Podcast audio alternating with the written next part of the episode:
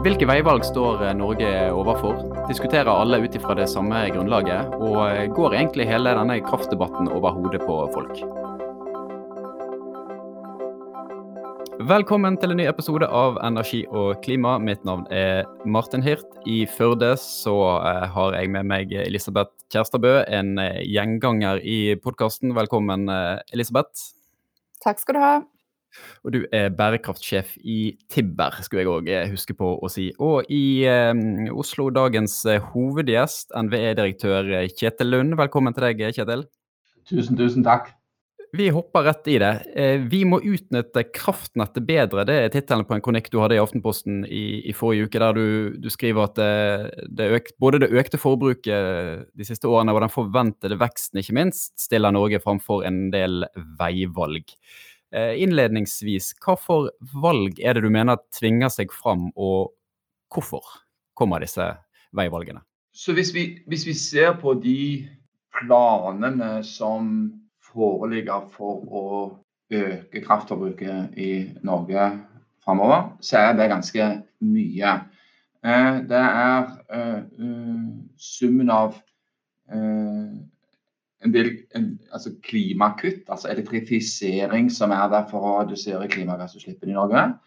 Og så er det i tillegg og i økende grad masse hva skal jeg si, kommersielle initiativ som handler om å ta vår fornybare kraft til å, eh, til å etablere ny grønn kraftkrevende industri. Eh, enten det er batterifabrikker eller elektrifiseringsprosjekter med industrien, eller eh, hydrogen eller datasenter. Eh, så er, det, er, disse prosjektene sikkert liksom ulike faser, og det er helt sikkert ikke alt som blir noe av. Og, og, og noe liksom, blir sikkert bare på, på brosjyrer og konferanser og vil aldri materialisere seg. Men likevel, hvis du summerer mye av dette, så, så, ser vi på ganske mye, en ganske stor økning i forbruk av, av kraft de neste årene. Og Samtidig så vet vi at eh, det er krevende å få til mer utbygging av kraft. Eh, det er ofte kontroversielt. Eh, og, eh, og, vi vet samtidig at hvis kraftprisen går opp altså Kraftprisen blir jo, blir jo danna i et marked i Norge, sånn har det vært i 30 år, tilbud etterspørsel, så er det ofte lite, lite stemningsskapende. Eh, og mitt, mitt ærend er bare at her står vi overfor avveininger. Eh, hva som er hvilke valg vi skal ta, er veldig politiske valg. Folk mener sterkt om det. og Jeg, jeg tenker det ikke min oppgave å liksom gå inn i det. Her kan forstandige folk ha ulike syn. Eh, men jeg tenker det er vår oppgave å bare liksom, et, prøve å bidra til å etablere det, det tankeskjemaet, den tankemodellen, at, at, valg har konsekvenser. At, eh, at de valgene vi tar, det tyter ut eh, et sted. Eh, så blir det opp til politikere og andre som deltar i den offentlige samtalen, å ta stilling til hvilke valg vi skal ta. I tillegg så, det spurte om, så, så vil det, det økte kraftforbruket øke belastningen på kraftnettet vårt. Det har også et poeng i, i den kronikken. Eh, det, det, opplever vi i NVE veldig tydelig allerede. Det strømmer på med forslag om nettkonsesjoner. Store prosjekter, små prosjekter, elektrifisering her og der. Eh, og, eh, og nett koster. Nett må betales. Eh, og det må betales gjennom økt nettleie av husholdninger og, og næringsliv i Norge. og en del nytt nett må det bli. Og, men så er jeg opptatt av samtidig at vi bruker det nettet som vi tid har så godt som mulig. Da husholderer vi med vår, felles, med vår felles infrastruktur, som nettet tross alt er. Og ja, bruker norske ressurser på en god måte.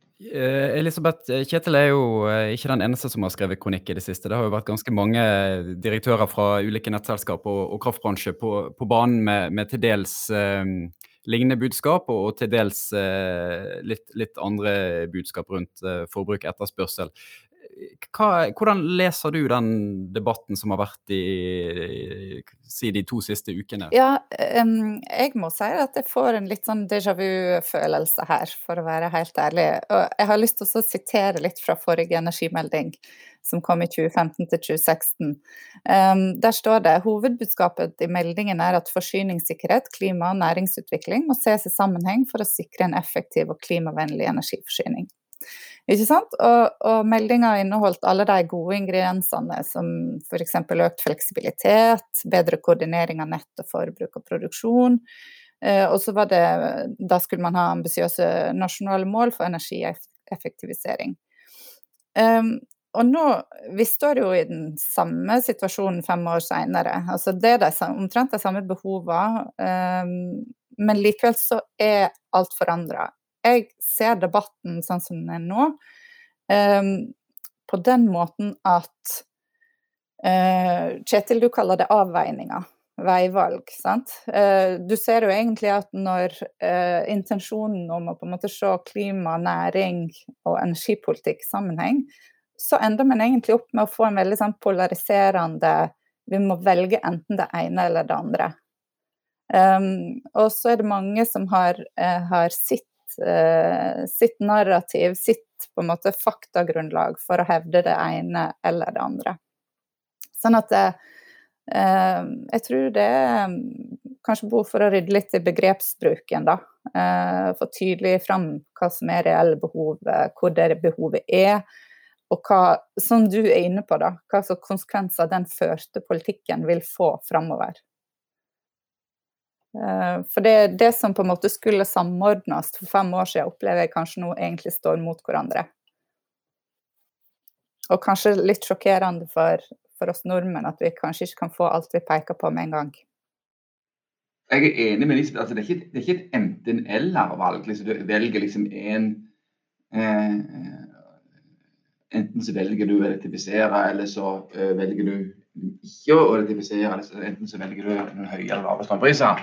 Det er ikke, det er ikke et enten-eller-valg, men det er avveininger. Det, det, det, det, er, er likevel en sammenheng mellom, mellom kraftforbruk og kraft, eller kraftetterspørsel og krafttilbud og pris. Eh, eh, ja. Og så er, så er det viktig for meg å si at det er ikke en akutt situasjon, dette her. Altså, altså ja, Amerika, the state of the union is good. Der er liksom, Kraftforsyning i Norge er robust. Vi har et fungerende kraftmarked. Vi har kraftoverskudd. Vi ikke si vi har et kraftoverskudd i offshorene. Framover eh, vi har gode forutsetninger fra naturens side for å bygge ut mer kraft om vi skulle ønske det. Vi har liksom, så, så, så, så det, er ikke, det er ikke noen akutt situasjon. Men det er likevel eh, veldig store ambisjoner på dette området. Og, der, og, og, vi vet at det er veldig lange ledetider på dette området. Så det er ikke sånn at du står i det, så kan du snu deg rundt på fem minutter og ordne opp i det. Så det er verdt å ha en samtale om å, syns jeg, da, å prøve å se litt eh, de lange linjene noen år fram i tid. Så vil det være mye usikkerhet rundt alle sånne anslag, både på forbruksside og produksjonsside og på prisdannelse og alt det uventede skjer hele tiden. Men, men, det er verdt å bare løfte det temaet at ting henger litt sammen, og at det er lange ledetider. og Derfor er det verdt å prøve å se litt. Eh, jeg håper å si Uttrykket at eh, det ikke er helt Texas har vel sjelden eh, passet bedre når man skal beskrive både State of the Union og, og, og forskjellene mellom amerikansk og norsk kraftsektor. Det siste du sier, Kjetil, med, med lang, altså dette er prosesser som har, har lange horisonter. Jeg har tatt meg selv i å, å, å lure litt på altså, at er det er det er norsk si, forvaltning og beslutningssystem, og da tenker jeg ikke utelukkende på NVE, men kanskje i litt sånn større bilde. Er det, er det, innenfor kraftsektoren, er det rigget for en, si, en annen tid enn det tempoet man ser nå? Altså det går ganske kort tid fra planer om batterifabrikker f.eks. Eh, kommer på banen, og så begynner man å bygge i Mo i Rana senere i år. Altså, det, altså Tempoet og mulighetene kommer så mye fortere at det forvaltningssystemet som har vært en suksessfaktor med vannkraften og forutsigbarheten og for så vidt oljesektoren òg, rett og slett ikke henger helt med lenger? Om forvaltningen henger med, eller om forvaltningen er rigga for den tiden. Altså, jeg, altså det som vi er i nå, jeg tror det overordna svaret på det er eh, ja. Nå, altså, nå er jeg ikke helt nøytral her, men jeg, jeg, jeg, jeg, tror vi har en, en gjennomgående god forvaltning i Norge på på mange områder. Eh, er det sånn at vi det, eh, Skal vi alltid strekke oss for å bli bedre? Ja. Bli mer effektive? Bli faglig flinkere og dyktigere? Ja, definitivt. Men jeg tror at det er viktig å huske på når vi snakker om dette, at, at, at en, de, de, viktigste grunnene til at mange av disse prosessene tar lang tid, er at vi selv har ønsket å ha prosesser som ga rom og tid for lokal involvering, for, for, for, for runde på runde med høringer og, og, og liksom for mye prosess. da. Eh, ta, ta, på nett, nett eh, eh, ja, Hva gjelder nettet. Eh, der, der eh, har vi sånne KVU-er nå. De kom etter, eh, de kom etter at denne saken om nye ledninger inn til Bergen fra Hardanger over, over, ja, over Hardanger, altså holdt på å si monstermaster, holdt på å si, debatten var. Og Da var jo spørsmålet om liksom, det var nødvendig i det hele tatt. Det er jo en debatt som virker litt underlig nå, ti år etter. Nå er det fremdeles Eh, eh, problemstillinger knyttet til kraftsituasjonen i Bergen. Eh, men da, etter det så bestemte man at man skulle ha KVU-er og enda mer prosess for å sikre lokal forankring. Det samme hadde på vannkraft, det samme hadde på vindkraft. Og, og det, det, å ha sånne prosesser, det, det, det krever tid. Det, kan du ikke, det å høre folk, det å snakke med folk, det å ha ja, lokale runder, det kan du ikke digitalisere vekk. Noe kan du digitalisere, noe kan du effektivisere, men det å det med lokal forankring det eh, er ikke så enkelt å eh, effektivisere.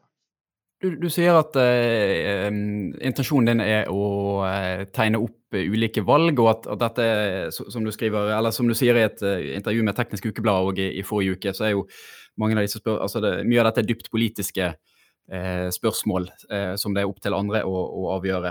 og så, Du går jo ganske langt i å peke på, eller problematisere elektrifisering av sokkelen, så, så litt politisk er du vel strengt tatt i, i, i utspillene dine òg?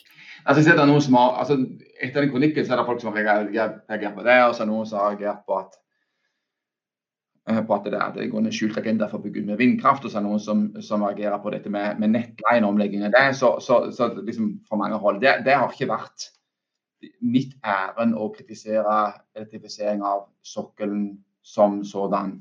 Eh, det er sterkt politisk ønske om i, Norge. Mitt ærend har vært på liksom, å, ja, litt høyere nivå, hadde jeg å si. At summen av, summen av eh, eh, all, all, elektrifisering, enten sokkelen eller eh, transportsektoren eller oppdrettsnæringen, eh, og i tillegg alle de eh, kommersielle, industrielle planene som er, vil gi et økt kraftforbruk. Det vil alt annet likt gi økte priser. Eh, eh, det vil eh, måtte betales av husholdninger og næringsliv. Kanskje kan gjøre at andre grønne prosjekter som bare er marginalt lønnsomme, ikke lenger er det. Vi kan få reduserte priser igjen ved å bygge ut mer kraft. Så vi kan, som jeg prøver å si det litt enkelt i kronikken, det er tre ting vi ønsker altså Vi ønsker lave kraftpriser, helst slippe å bygge ut, mye elektrifisering. Vi kan få to av de tre, men ikke alle tre. Elisabeth, du har hatt innspill? Ja, øh, ja jeg syns det, det, er et, øh, et, godt innspill å prøve å løfte den øh, debatten opp på et nivå der en, rett, en, får det inn i den, i den politiske sfæren, rett og slett, og, og, belyse at det her faktisk er et politisk valg som må tas. Det syns jeg er, er, veldig fint. Men litt tilbake til, til det jeg sa innledningsvis.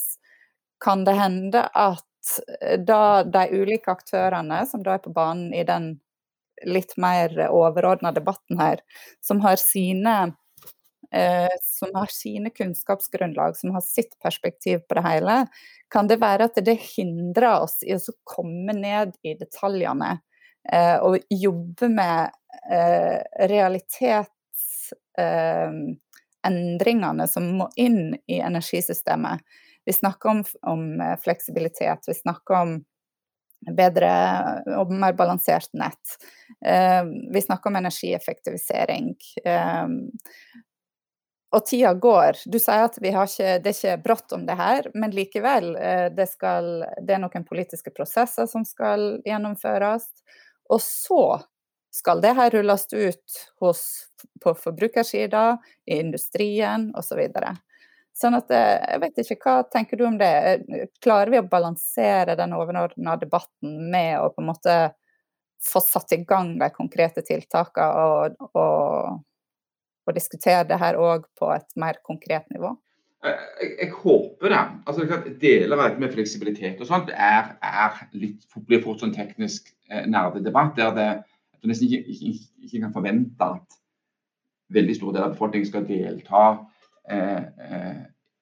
i den. Men i den kronikken min så skriver jeg faktisk ganske mye Elisabeth, om nettopp eh, dette. Om at eh, vi må bruke, utnytte nettet vårt bedre. Mye av det handler om digitalisering, bedre informasjonsutveksling mellom nettselskapene, og også mellom produksjonssiden og, og, og, og forbrukssiden. Eh, eh, insentivere ny teknologi, ja, type ting dere driver med, eh, som kan styre energibruken eh, mer effektivt. På den måten kan vi spare oss for unødige eh, nettutbygginger. Det er bra, da kan vi spare naturinngrep, og ikke minst vi kan spare oss selv for unødige ekstra regninger. Så det, det, det skriver jeg mer av i den kronikken om eh, si, elektrifisering av sokkelen. Så, så, men, det, men, det, men det, er jo på et, jo på et litt sånn overordna kronikknivå jeg skriver om disse eh, eh, tingene. Og det, er jo, det, var det det var ment å være. liksom Å løfte noen overordna ja, avveininger som ligger foran oss. Ikke, ikke liksom detaljert beskrivelse eh, av enkeltproblemstillinger. Dere i NVE har, har, deres langsiktige markedsanalyse. Statnett har sin. Det finnes utallige private aktører, DNV, GL, Equinor etc. Litt, litt, som det Elisabeth nevnte i sted. altså Alle har eh, et faktagrunnlag som eh, individuelt sett eh, si, stemmer ut ifra de forutsetningene som man putter inn, og så er det gjerne der nyansene ligger. Og det jeg lurer litt på, er liksom, har man et Opplever du at man har et godt nok felles faktagrunnlag for å ta disse eh, og, og å si, diskutere ut ifra. Så det har jo vært litt hvis vi drar en parallell til klimadebatten, så føler jeg at nå har man kommet dit. Nå er man på en måte enige om og så Her er liksom bunnlinjen. Dette er i ferd med å skje. Det er her vi diskuterer fra. Og så er det løsninger enten ene eller andre retninger. Men det er ikke noe sånn Man, man driver ikke og, og, og diskuterer liksom de, de, overordnede linjene lenger. Eh, og, og, så er jo det for så vidt en litt annen debatt. Men, men jeg ble litt sånn det, det, slo meg når jeg, når jeg så en av, en av responsen på, på, på, ditt innlegg i, i intervjuet TU, var konsernsjefen i, i Statkraft, Christian Rønninge Tønnesen, så langt på vei gikk ut og avblåste eh, i hvert fall at det var kraftmangel. Og så, så Da ble det litt sånn, altså hva, Snakker alle basert på det samme grunnlaget? Uten å skissere opp noen konflikt mellom NVE og Statkraft. så Det kunne, kunne sikkert vært hvilken som helst annen av uh, scenarioprodusentene. Så jeg er enig med Kristian at vi ikke har noe kraftmangel. Vi har kraftoverskudd i forhold til våre analyser og peker på at vi kommer til å ha kraftoverskudd også eh, fram, framover. Eh, så, så det, det, er litt spørsmål om hvorvidt vi har for mange analyser. Altså jeg tenker at det dette handler om, er en framtid som ingen av oss vet hvordan blir. Og da er mitt utgangspunkt at jo flere, altså flere analyser vil typisk øke kvaliteten. Eh, det gir, det, det, det, på, på, ja, på, på, analysene. Det gjør at en må skjerpe seg, det gjør at en kan ha et utgangspunkt å diskutere ut fra. Så er det ganske stort sammenfall mellom de ulike analysene. altså Statkraft sine, Statnett sine, våre, andre sine. Jeg tror alle peker mot en økning i kraftforbruket. Uh, og, og, så er det litt ulikheter på hvor mye, hvor mye ny kraftproduksjon vi tror vi får inn. Og så er det litt ulikheter i ja, hvor, mye, ja, hvor mye kraftforbruket kommer til å øke. Folk har litt ulike forutsetninger om det. Det skulle bare mangle. Ingen kjenner den framtida. Men, men liksom på, et litt sånn grovt nivå eller høyt nivå, så er min oppfatning at de fleste av disse analysene er ja, i grove trekk da, eh, peker mot eh, eh, peker mot, peker mot høyere forbruk, peker, mot, peker, peker, i samme retning. Eh, ja, så, så, så, så, er det viktig å si at det er ingen, vi, vi snakker om en framtid som ingen helt vet. Dette er et område der mange, altså, folk kan snakke med, selv, med, med, liksom, med, med stor selvtillit og, og, og liksom, med sånn, ord og med liksom, sånn overbevisningskraft og, og bruker mye sånn teknisk vokabular. og Det høres ut som de har liksom, veldig god oversikt over hva som kommer til å skje. Men ikke sant, men, men, men, men sant? det Og mange gjør det, men, det vet de ikke. Altså, vi lever i en tid der det uventede skjer hele veien, hele, hele veien på mange områder, også her. Altså du skal ikke I fjor var kraftprisene all time low omtrent.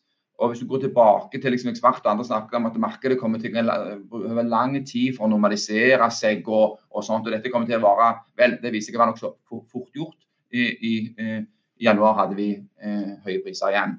Så, så, jeg sier ikke dette for å raljere over noen, jeg bare sier det som note to self til meg selv og til oss alle. At det er ingen av oss som helt vet dette. Eh, og da, da, tenker jeg det er en god ting at vi har litt ulike analyser og kan eh, bryte litt argumenter og lære av hverandre. Elisabeth, du, du jobber jo i, i Tibber så jobber jo dere hovedsakelig mot eh, si, samleposten vanlige forbrukere. Hva, hva tenker du om eh, altså den, den, pedagogiske dimensjonen av, av, energidebatten? Altså, er det mulig å unngå at, at eh, dette ikke kun blir et spørsmål som opptar folk, når, når nettopp strømprisene er, er høye? Mm. Ja, det tror jeg absolutt. Uh, energi uh, det engasjerer og provoserer, og det syns jeg er bra. Uh, men min erfaring er jo at forbrukere flest, da, kan, kan, skjære alle over én kam, følger med på utviklinga. men hvis jeg kan peke på et par ting som kunne hjulpet debatten, så tror jeg først og fremst at forbrukerne hadde fortjent et litt tydeligere budskap. Eh, og da peker ikke jeg på NVE nødvendigvis, men NVE og andre premissgivere her. Eh, hva er det forbrukerne egentlig forventer å skulle bidra med i energisystemet fremover? Ehm, og når en har klart å definere det, eh, kanskje et et mer motiverende innsalg av hva det her skal, skal uh, få for konsekvenser. Og ikke minst hva gulrota kan være for dem. Enten i form av en, en moderat nettleie eller betaling da for fleksibelt forbruk, og jevne ut forbruket, som en f.eks. i nettleiesammenheng snakker veldig mye om. Um, og det andre eh, tror jeg, er at vi har en vei å gå alle sammen. Vi har også et ansvar eh, i Tibber som, eh, som tilbyder av tjeneste eh, for å fortelle forbrukerne hvordan de skal klare å oppnå det her fleksible forbruket sitt og leve mer energieffektivt. Eh, for vi er i kontakt daglig vi, med kunder og forbrukere som de lurer på veldig mye forskjellig. Alt fra prisutviklinga opprinnelsen av krafta de kjøper, eh, strømsparende teknologi, hva finnes der, hvor mye koster det, hvordan bruker jeg det? Smartlading av elbiler er jo et tema som engasjerer utrolig mange av våre kunder. Eh, men det som på en måte blir en sånn missing link i narrativen her, syns jeg, da, det er jo at um, Altså, vi har jo fått gjennomført en undersøkelse i Tibber, og jeg tror det var åtte av ti som var villig til å styre elbilladinga si unna effekttopper i nettet, hvis de fikk betalt for den fleksibiliteten direkte, eller fikk eh, eh, lavere eller moderat nettleie, altså at den ikke øker, da. Eh, men likevel så er det bare jeg tror det var én av ti som hadde installert smart elbillader. Um, og når det gjelder enøk, så er generelt så er kanskje situasjonen litt bedre. Der har en jo hatt på en måte flere tiår der forbrukerne egentlig har blitt mata med fra, fra, myndigheter og andre med forskjellige tips, og, og en, fått, en får støtte fra Enova for å gjøre enkelte ting osv. Men, men likevel så er det ganske få som går til det skrittet å installere eh, strømsparende, smart strømsparende teknologi i husene sine. Eh, så jeg tror at, eh, at debatten kunne ha ikke det at jeg mener at du i en kronikk skal nødvendigvis peke, gi, gi fem tips til forbrukerne hvordan de skal leve mer energieffektivt. Det er ikke det jeg tenker på. Men å dra det ifra disse her på en måte veldig sånn eh, eh, litt, litt, polariserende at eh, klima og energi blir satt opp mot hverandre, klima, energi og næring blir satt opp mot hverandre, men mer ned på å på en måte prøve å fjerne den støyen for forbrukerne og fortelle dem nøyaktig hva er det de veivalgene her vil bety for dere som forbrukere? Hva er det vi ønsker at dere skal gjøre? Fordi sånn som det er nå, så, så er i all støyen her, så tror jeg at det er det her forbrukerne får med seg. ene budskapet er at hvis dere ikke jamner ut for å redusere forbruket deres, så må vi bygge ut nettet. Konsekvens høyere nettleie. Og så er det, det andre budskapet er at hvis vi ikke bygger ut nettet, så vil vi ikke kunne ta unna kraftbehov til industrien. Konsekvens høyere strømpris. Så det blir en Jeg, jeg tror det at det blir en, en, forferdelig vanskelig øvelse å gå på en måte fra, fra det litt eh, som fragmenterte overordna debatten, og ned på det nivået. Hva betyr det her for forbrukeren? Men altså, Det er noen avveininger som er reelle. og Jeg vet ikke om vi om, om, om det, vi gjør det offentlige ordskiftet en tjeneste hvis vi, hvis vi sånn lar være å peke på reelle avveininger. Det, det ene er at, at det, det med at det ikke bare svaret på alt er å bygge ut mer nett og øke nettleien til folk. Som jeg, som jeg sa, jeg, jeg, mener virkelig ikke det. Og, hvis det er noe de spesielt har skrevet kronikker om og, og, og, fått mye kjeft for òg, så er det at vi bør eh, alle bruker nettet mer effektivt. Eh, og, så har folk ulike oppgaver i så måte. Noen er politikere, noen er kommersielle aktører, som du er. Vi er jeg jobber i forvaltning. Vi har som oppgave å bidra til effektivt fungerende energimarkeder. Det betyr bl.a. at vi skal eh, opptatt av at folk skal ha riktige insentiver, slik at det er sammenfall mellom deres private, privatøkonomiske insentiver og fellesskapets insentiver, for å si det sånn.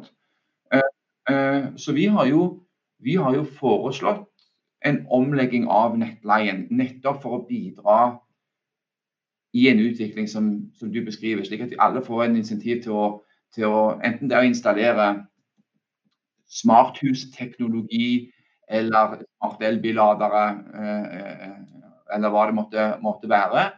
Eh, ikke at hver enkelt sin handling betyr så mye, men hvis alle eh, tenker litt sånn, eh, og ikke minst gjør litt sånn, så blir summen at vi kan eh, ta ned en del av effekttopper og kan eh, utnytte det kraftnettet som vi til enhver tid har, mer effektivt, og på den måten kan spare oss både for naturinngrep og, og unødige utgifter.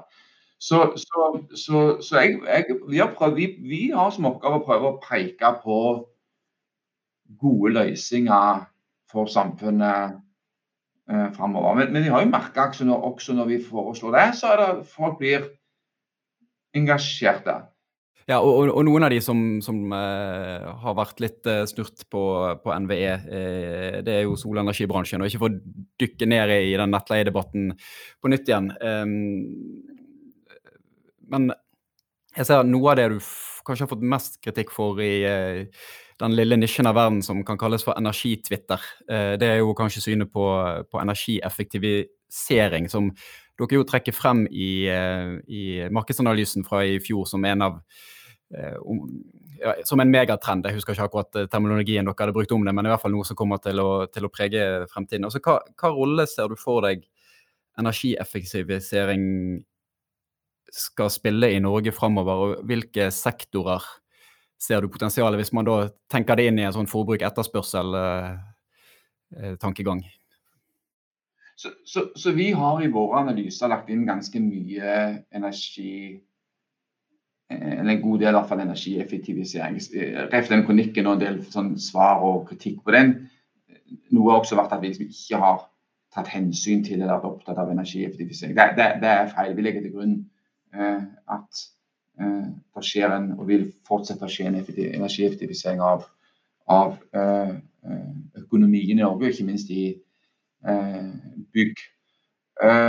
Så for å gå tilbake til omlegging av nettleier, den vil òg bidra til å gjøre flere energieffektiviseringstiltak ja, mer lønnsomme. da. Eh, så det er et tiltak for å stimulere til energieffektivisering. Og så er jo elektrifisering i seg selv, det skriver jeg også om, er jo et sterkt energieffektiviseringstiltak.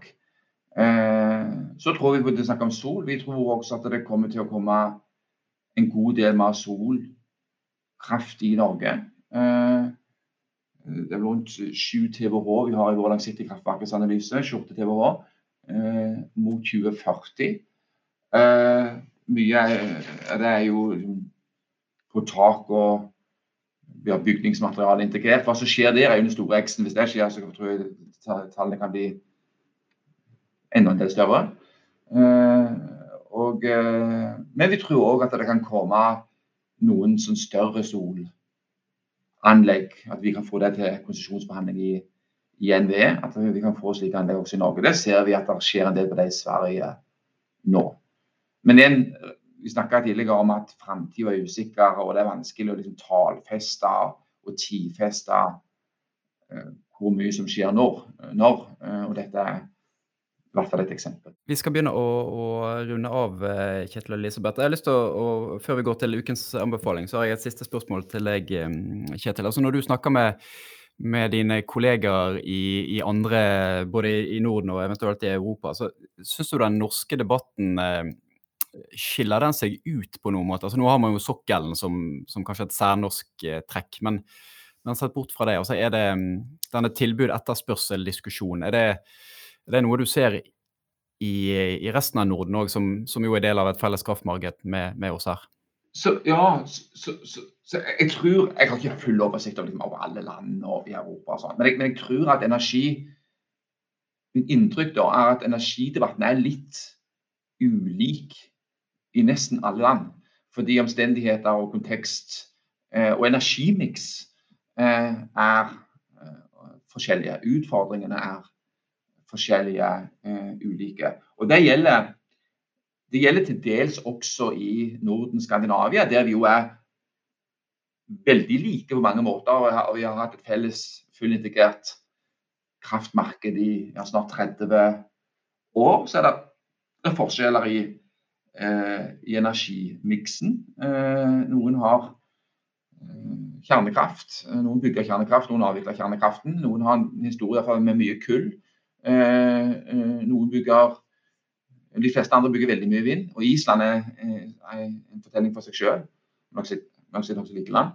Eh, så, så, det er litt sånn same, same, but, but different. og så er det òg forskjell i det at flere av landene er EU-medlemmer, de skandinaviske, og ja, andre er det ikke, som kjent. og Det betyr at det er ta den ACER-debatten har jo vært sterk, var, var sterk i Norge var sterk i Island. Eh, jeg tror ikke det var så sterk i eh, de nordiske landene som eh, er EU-medlemmer. EU Vindkraftdebatt er der, er mitt inntrykk, også i Sverige også i Danmark. Jeg har likevel jeg må ta litt forbehold, men jeg har litt inntrykk av at den har kommet ja, enda, har vært enda skarpere. da, Og kommet enda bråere og enda sterkere brodd i Norge enn en en i Danmark og i, i Sverige. Da kan jo jeg eh, skjødesløst anbefale forrige utgave av denne podkasten til deg, Kjetil. Da har jeg eh, intervjuet Anders Totland, som har skrevet boken 'Vindmølleopprøret', som eh, kom ut i, i går, som du kanskje har um, fått med deg. Eh, og Det er òg min eh, anbefaling til eh, lytterne denne uken. 'Vindmøllekampen', historie om et folkeopprør av uh, journalist og forfatter Anders Totland som kom ut i går. som er hans eh, dypdykk ned i hva som fikk eh, regional motstand til å samle seg. Den er velskrevet og eh, syns eh, jeg håndterer spørsmålet med en eh, innestemme. Så da eh, kan du enten kjøpe boken og aller helst høre intervjuet vi gjorde med han i forrige episode. Elisabeth, hva vil du anbefale denne uken? Ja, jeg har et litt uh, smalt tema denne gangen. Um, rett og slett uh, finansiering av, uh, av fornybar energi. Um, hvorvidt det går fort nok. Og um, da har jeg lest en rapport som har blitt laga av uh, International Energy Agency og Center for Climate Finance and Investment.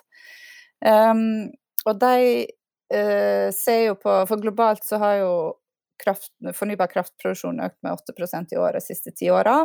Eh, I 2019 så var nesten to tredjedeler av ny kraft, all ny kraftproduksjon fornybar. Men eh, tross eh, store fremskritt på kostnadseffektivitet, så, eh, så klarer ikke vi å allokere nok investeringer raskt nok over i fornybarsektoren til å få energisystemet over i den utviklinga som Internasjonale energibyråer definerer som bærekraftig. Eh, så jeg vil anbefale den rapporten. Eh, gode sammendrag og, og eh, veldig oversiktlig og greit. Kjetil, du skal få lov å avslutte dagens episode. Altså, nå ble jeg fristet til å anbefale den boken til Totland, jeg òg. 'Usett ulest'. Uh, uh, jo, nei, men altså, fordi at, jo, nei, men fordi at, at det er mulig at boken er både god og dårlig for alt jeg vet, men, men, men, men den, den, beskriver iallfall noe som har vært for energi- og klimapolitikk interesserte mennesker et veldig interessant fenomen i Norge de siste eh, to-tre-fire årene. Eh, så, så derfor anbefaler jeg den usett ulest. Ellers så, så hva gjelder sånne podkaster på energi, klima eller liksom sånn tids... Altså, jeg, med det, jeg bruker ikke så mye tid på sånne å finne fram til sånne nerdepodkaster for å gå inn i et eller annet dypdykk på, på energigreiene. Jeg prøver heller å følge litt sånn bredt med. Og det anbefaler jeg alle. Altså, det, er, det skrives mye bra i bredt. Eh, jeg, jeg, leser ja, med fare for å bli sånn skamløst smiskende energi- og klimabloggen. Altså, det, altså, det, ja, det, det anbefaler jeg alle andre å gjøre. Eh, men, men, men, men, altså i, i Klassekampen, i eh, Aftenposten, i DN, også internasjonale The Guardian, New York Times, eh, eh Bloomberg, noen av disse her, sånn mange andre ting er eh, eh, hva skal jeg si, fri tilgang-artikler. Men det er liksom få å, å, prøve å følge litt med og i det å få liksom det store, brede bildet er noe jeg prøver å legge vekt på. Så har jeg kollegaer sånn, som kan ta dypdykk på mer sånn nerdetema. Men, men liksom ta litt høyde og prøve å få med seg store bilder, anbefaler jeg. Eh, og så når man skal høre sånn nerdepodkaster og sånt, så kan vi heller liksom ja, høre noe helt annet. altså Høre på Nirvana eller Dylan eller Bach eller Strålende. Tusen takk for at dere var med, Kjetil eh, og Elisabeth. Dette har vært en episode av Energi og klima. Vi er tilbake igjen neste uke. På gjenhør.